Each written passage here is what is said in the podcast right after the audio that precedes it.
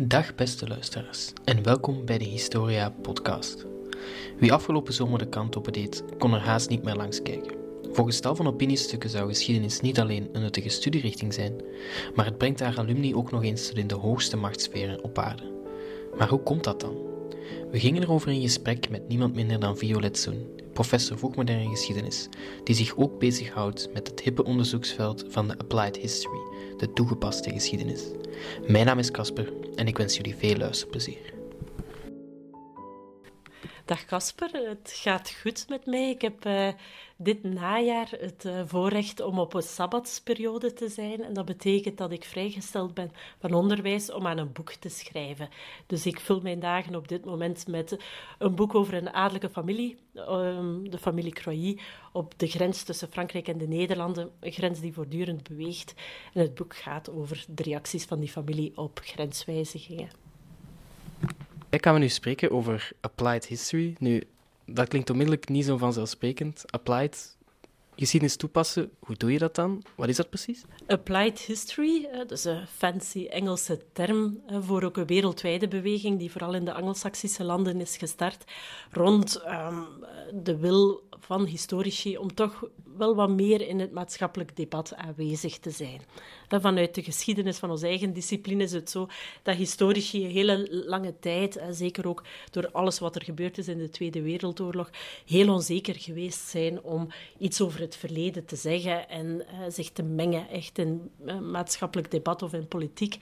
Um, maar uh, vandaag lijkt de tijd toch rijp om historici weer te doen deelnemen aan maatschappelijke kwesties. Als we kijken naar de coronapandemie was bijvoorbeeld een heel goed voorbeeld eh, waar historici toch een veel ruimer denkkader hadden dan politici. Politici vonden uh, deze pandemie iets vreemd, iets abnormaal, iets dat nu gebeurde, iets dat vlug moest opgelost worden, waarbij historici eigenlijk een veel ruimere blik hebben pandemieën uh, meestal normaler vinden vanuit het uh, verleden, daar al eens over nagedacht hebben. Um, niet zozeer denken we uh, vanuit het nu, maar vanuit een bredere context. En vandaar ook misschien ook al veel vroeger wisten dat dit iets langdurig zou zijn dan een korte quick fix die kon opgelost worden. Dus toegepaste geschiedenis gaat er eigenlijk precies om om bij grote moeilijke problemen ook historici aan de tafel te laten zitten. Um, in Vlaanderen of in Nederland is dat niet zo gebruikelijk. In Duitsland bijvoorbeeld is dat heel gewoon. Bij de coronapandemie was er een, grote um, expertencommissie, maar daar zaten niet alleen virologen in, zoals hier in België, maar ook bijvoorbeeld theologen, sociologen, psychologen, maar ook historici.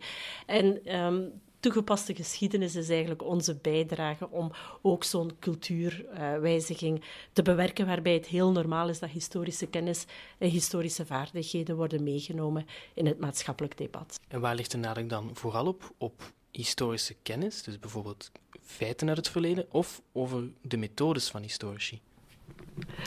Dat, dat, is een goede vraag. Nu, ik ben natuurlijk docent van een vak dat uh, heet Inleiding tot Historisch Onderzoek. Dus mijn voorliefde en mijn uh, klemtoon die ligt altijd bij de historische vaardigheden. Ik denk als we iets als historici um, als meerwaarde hebben, zijn het onze historische vaardigheden. Um, de juiste vragen stellen, ik denk dat dat een hele cruciale vaardigheid is. En dan heel kritisch met bronnen omgaan. Heel voorzichtig uh, stellingen of theses of conclusies maken. Hè. Dus um, zijn voor mij drie kenwaarden eigenlijk die vaak in andere disciplines uh, waar wat minder aandacht voor is. Um, langs de andere kant uh, begin ik ook wel steeds meer um, te merken dat historisch inzicht of kennis over het verleden ook wel zeker bij applied history belangrijk is. Hè. Dat je een ruimer kader hebt, dat je een ruimere context kan schetsen. dus je hebt ze allebei nodig, maar voor mij ligt de klemtoon toch vooral bij die historische vaardigheden.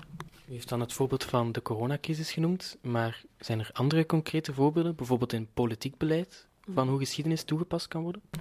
Ja, we proberen op dit moment met een heel aantal maatschappelijke partners samen te werken. Dus we hebben um, bijvoorbeeld een ruim, ruimer project, dat heet het Corvus-project, waarbij we um, proberen uh, samen met twee doctoraatstudenten historical consultancy, historische consultancy aan te bieden. Enerzijds bij mediabedrijven, anderzijds doen we dat ook bij semi-politiek of semi-publieke instellingen. Bijvoorbeeld de Vlaamse Milieumaatschappij is een van die voorbeelden waarbij we ook proberen Um, dat, is, dat, is, een organisatie die natuurlijk voor de Vlaamse overheid werkt. Het milieu moet monitoren en die um, als DNA een heel feitelijk wetenschappelijk profiel heeft. Hè. Ze proberen altijd met feiten en met cijfers te gaan vertellen hoe het is.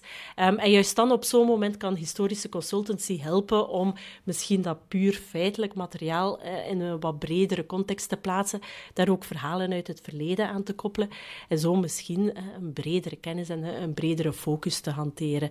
Dus dat is bijvoorbeeld een heel concreet voorbeeld waar je als historici kan zeggen van ja, misschien de manier waarop dat die organisatie zich in het veld zet, is, is heel ehm, wetenschappelijk of hard wetenschappelijk met harde feiten. Hè, maar misschien hoort daar toch een bredere context bij. Zijn er nog zo concrete voorbeelden van wanneer het echt geslaagd was, een historische consultancy? Ja, ik, ik denk dat uh, historical consultancy op dit moment vooral in de media al zijn um, effecten heeft bewezen. Hè. In de media zie je nu bijvoorbeeld dat heel wat redacties de laatste tijd begonnen zijn met fact-checking. En dan zie je eigenlijk dat bijna automatisch historici op die plaats terechtkomen. Um, en dat is een van die voorbeelden waarbij historische vaardigheden natuurlijk onmiskenbaar zijn. Hè. Je hebt natuurlijk een soort algemene mediawijsheid, maar die kan in politieke of sociale wetenschappen ook worden aangeleerd. Maar historici die zijn nog veel meer gewoon om met allerlei soorten verschillende bronnen en verschillende contexten rekening te houden. Dus ik zou bijvoorbeeld uh, die fact-checking en um, het constant inschakelen van historici bij het bestrijden van fake news uh, als een geslaagd voorbeeld van toegepaste geschiedenis willen noemen. Nu u het over de media heeft, doet me denken aan een tijdje terug. Um, was er een stuk op het nieuws over hoe geschiedenis ook niet professioneel, bijvoorbeeld in, in populaire media, steeds meer een centrale rol heeft. We denken maar aan Bart van Loo of aan Johan Op de Beek. Vindt u dat een positieve ontwikkeling? Op zich denk ik hè, dat we alleen maar tevreden kunnen zijn dat publiekschrijvers zoals Bart van Loo uh, wat aandacht creëren voor het verleden. Um, en dat is een genre. Zij bespelen een genre en hebben, uh, schrijven goede publieksboeken die ook worden gelezen. En ik denk dat dat heel belangrijk is. Um, en langs de andere kant denk ik dat het ook heel belangrijk is om te tonen dat er heel veel soorten van uh, geschiedenis bestaan en dat er ook andere manieren van naar het verleden te kijken is. Hè. Dus over diezelfde Bourgondiërs um, brengt uh, een wervend verhaal, alsof dat hele Bourgondische project een fantastische ja, soort wieg van de Nederlanden was. Maar op het einde van zijn boek moet hij zelf toegeven dat in 1477 dat Bourgondisch project heel wankel was. En historici kunnen dan helpen uitleggen dat dat eigenlijk maar een heel tijdelijk project was.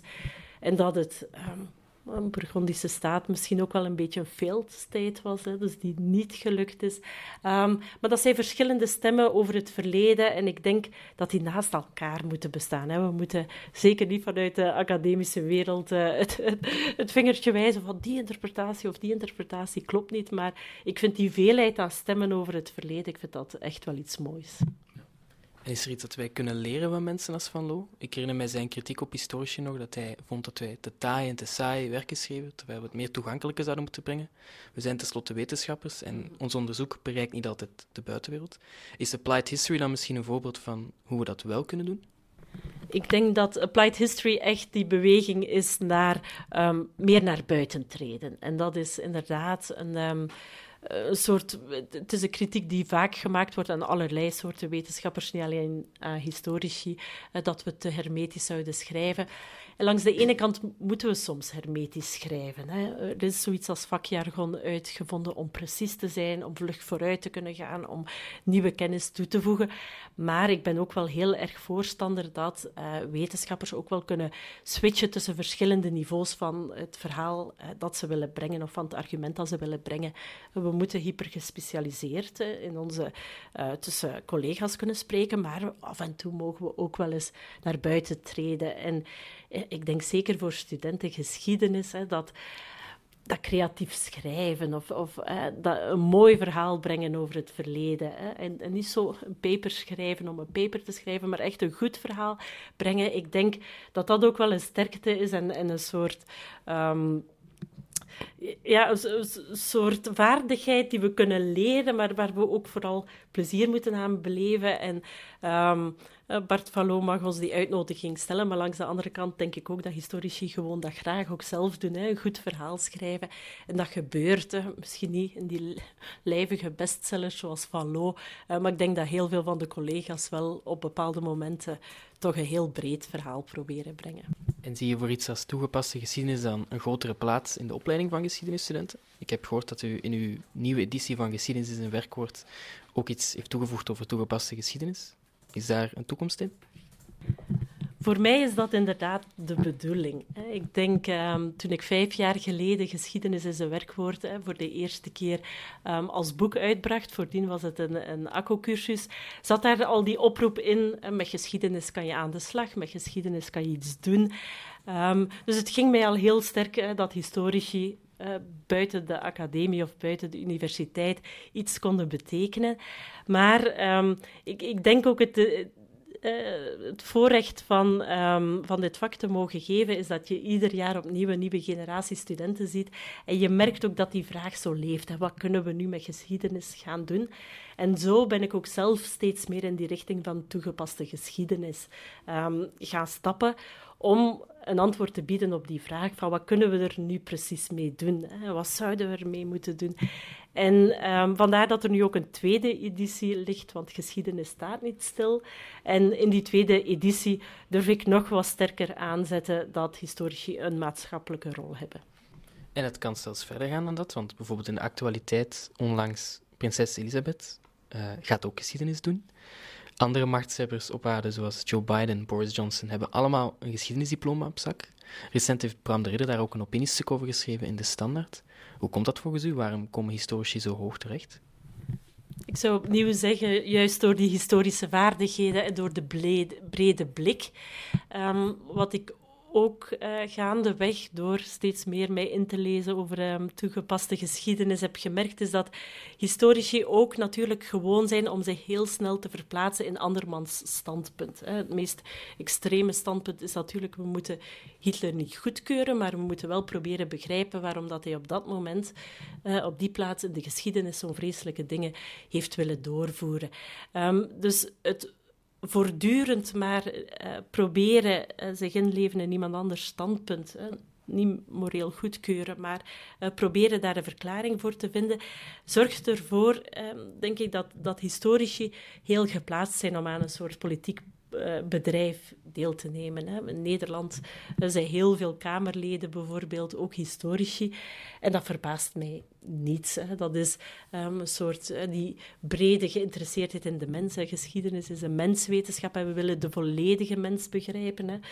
Um, ik vind dat ook als voordeel. Economen die gaan enkel en alleen economie of politieke wetenschappers enkel en alleen politiek. Maar de mens is zoveel meer. En ik denk dat het um, zo'n voorrecht is als, als historici dat we een van de weinige disciplines zijn die alle mogelijke menselijke motivaties, uh, ook de irrationele, uh, woede of angst of psychologische drijfveer, dat we al die motivaties mogen schetsen. Um, en ja, voor, voor mij zijn historici dus echt een menswetenschapper en dat die dan ook op een bepaald moment uh, wel of niet in, in het politieke bedrijf terechtkomen, dat lijkt mij dan een soort logisch gevolg daarvan te zijn. Een, een, een luisteraar had een, had een meer kritische vraag. Hij vroeg zich af, is applied history eigenlijk niet vloeken in de kerk? Want wij als historici geven vaak kritiek op het idee van geschiedenis als een, een leidraad, een leerschool. Is dat niet gevaarlijk? En dat is een zeer terechte opmerking, hè? want uh, natuurlijk uh, is dat iets dat we zelf ook binnen onze opleiding heel belangrijk vinden. Hè? Geschiedenis mag niet geïnstrumentaliseerd worden en um, uh, we moeten ook kritisch blijven. Langs de andere kant, um, wat we eigenlijk nu proberen binnen dat grotere Corvus-project, is om een soort um, richtlijnen op te maken of een soort methodologie te maken wanneer historici precies wel of niet iets kunnen zeggen. Hè? Want daar zit natuurlijk ook altijd een ethische kant aan.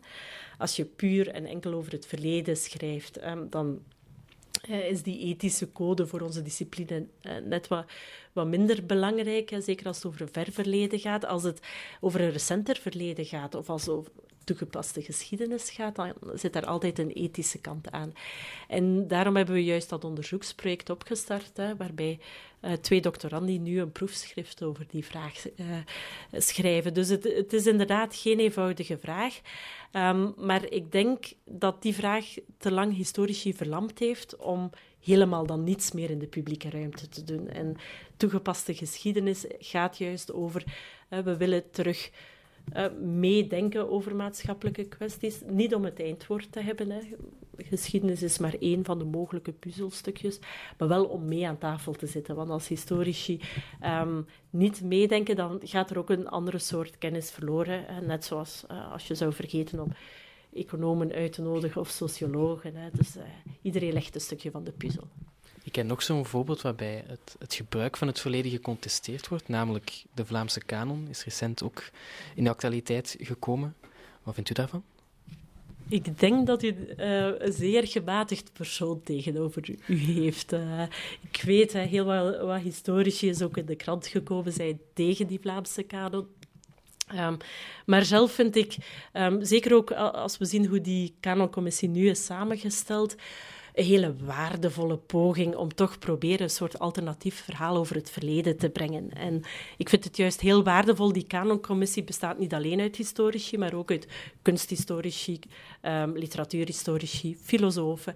Um, dus um, de, de, voorzitter van de commissie heeft geprobeerd een hele brede groep bijeen te brengen. Ook als we kijken vanuit genderverhoudingen, ook een hele goed gemengde uh, groep. En ik denk dat daar hele leuke antwoorden zullen uitkomen, die we niet op voorhand moeten uh, meteen afschieten, omdat er natuurlijk ook wel een gevaar in een, een kanon of in een kanoniseren van ons verleden um, schetst. Maar ik heb heel veel vertrouwen in die collega's die gekozen zijn. En um, ik, ik, denk in Nederland is het deels ook zo geweest dat eigenlijk die kanon wel heeft gezorgd dat er meer discussie is over het verleden en dat die discussie ook aandacht krijgt. En um, als je met Nederlandse collega's spreekt, die zijn ook heel verdeeld daarover.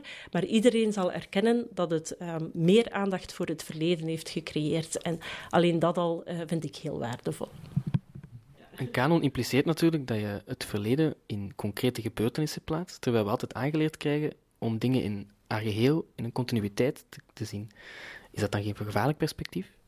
Nu, um, op zich denk ik dat um, de oplossing die gekozen is in Nederland en waarschijnlijk ook in Vlaanderen zal gekozen worden, um, zal bestaan uit een soort vensters op het verleden te maken, hè, waarbij je een gebeurtenis, een persoon, een datum terug opentrekt. Hè, en een soort inkijkje, hè, zoals een, een vroegmodern schilderij van Vermeer of zo. Hè. Je biedt een inkijkje naar een veel bredere wereld. En ik denk dat wereldperspectief, zoals heel veel van de collega's hebben bijvoorbeeld wel meegewerkt aan die wereldgeschiedenis van Vlaanderen, was een gelijkaardig uh, idee van we gaan via kleine gebeurtenissen, kleine personages, een veel groter wereldbeeld schetsen. En ik denk dat een kanon dat kan. Hè. Ik denk ook eh, als je kijkt, hè, want wij, wij werken natuurlijk heel sterk vanuit academische context, waarbij we inderdaad lijvige boeken over continuïteit en breukpunten schrijven. Maar als je kijkt naar hoe onderwijs in het middelbaar gebeurt en moet gebeuren, is ook via iets kleins dat de fascinatie opwekt, eh, een veel groter wereldbeeld schetsen. En ik hoop eigenlijk dat die kanon dat ook zal doen.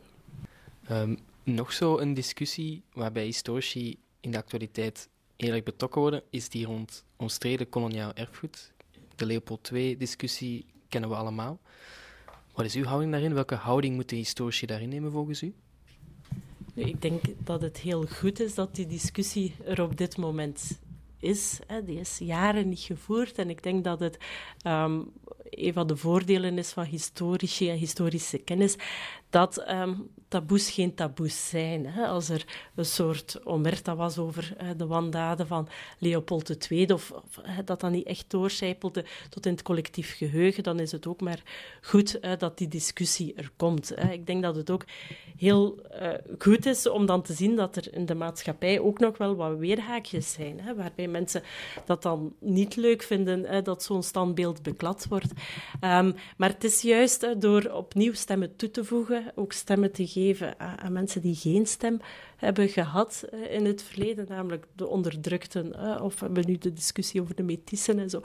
dat is allemaal zo broodnodig, heeft ook lang niet bestaan. Dus ik denk dat we daar als historici een hele, hele grote rol te spelen hebben. Hè, tussen alle mogelijke verschillende partijen, hè, de maatschappij, ons wetenschappelijk onderzoek, um, ook de mensen die die geschiedenis beleefd hebben van de andere kant. Hè. Dus ik denk um, dat uh, het is natuurlijk niet, niet de periode waar ik zelf onderzoek over doe, maar ik, ik denk dat heel veel um, mensen uh, die er wel onderzoek over doen, ook, ook uh, op dit moment die maatschappelijke aandacht gebruiken om een soort nieuwer verhaal te maken over die koloniale periode um, uit de geschiedenis van de lage landen.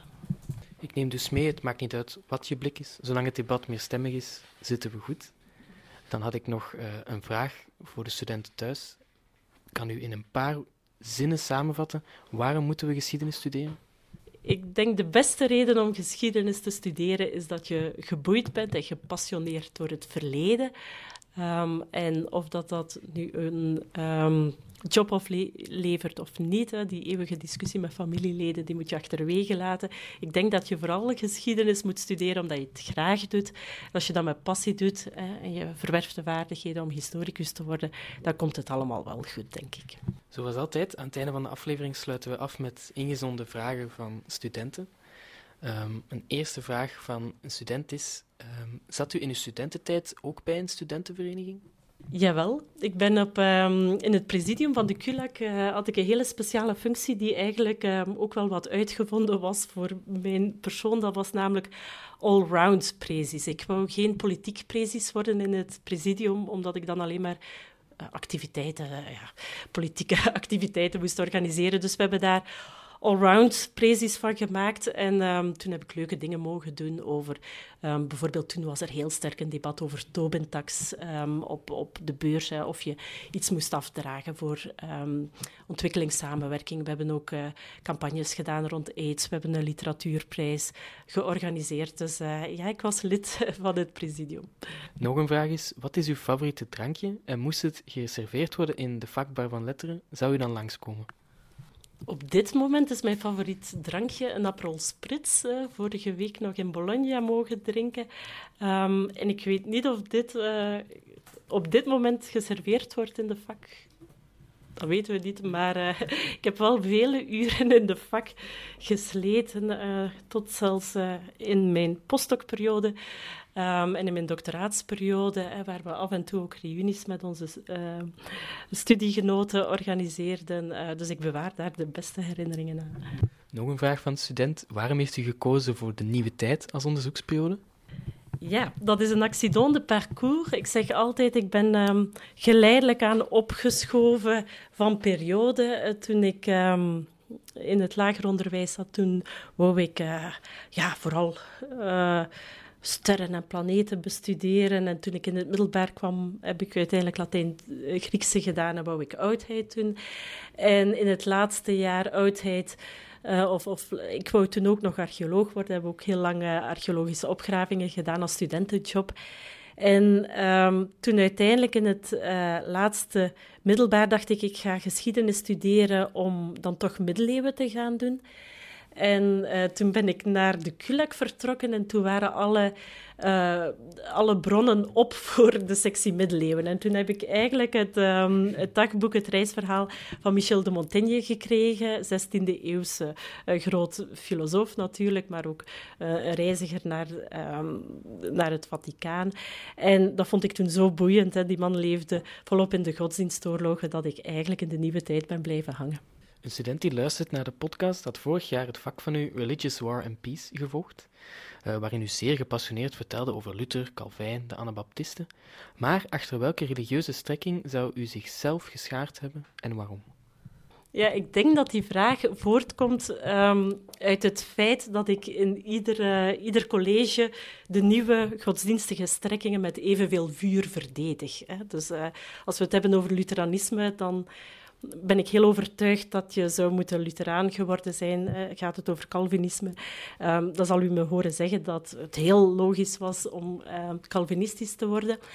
En um, Ja, wat ik precies zou geworden zijn, weet ik eigenlijk niet goed. Maar het hangt wel samen met die visie van we moeten alle partijen um, in hun eigenheid kunnen begrijpen. En heel vaak bij godsdienstoorlogen, dat is het grote probleem, dat in de bronnen van de tijd uh, er natuurlijk heel denigrerend wordt gedaan over de tegenpartij. Dat is een deel van het proces dan. Hè. Dus uh, iedereen is natuurlijk tegen de moslims, maar onder de christenen uh, kijken katholieken neer op Lutheranen, Lutheranen um, op katholieken enzovoort. En um, om, het is juist om een deel los te komen van wat je leest in de bronnen, dat ik probeer iedere partij met evenveel vuur te verdedigen. Hè. Hoewel het natuurlijk helaas geleid heeft tot een, strijd. Hè. Er waren pogingen tot religieuze vrede, maar heel veel mensen hebben natuurlijk ook het leven gelaten door die onverdraagzaamheid toen.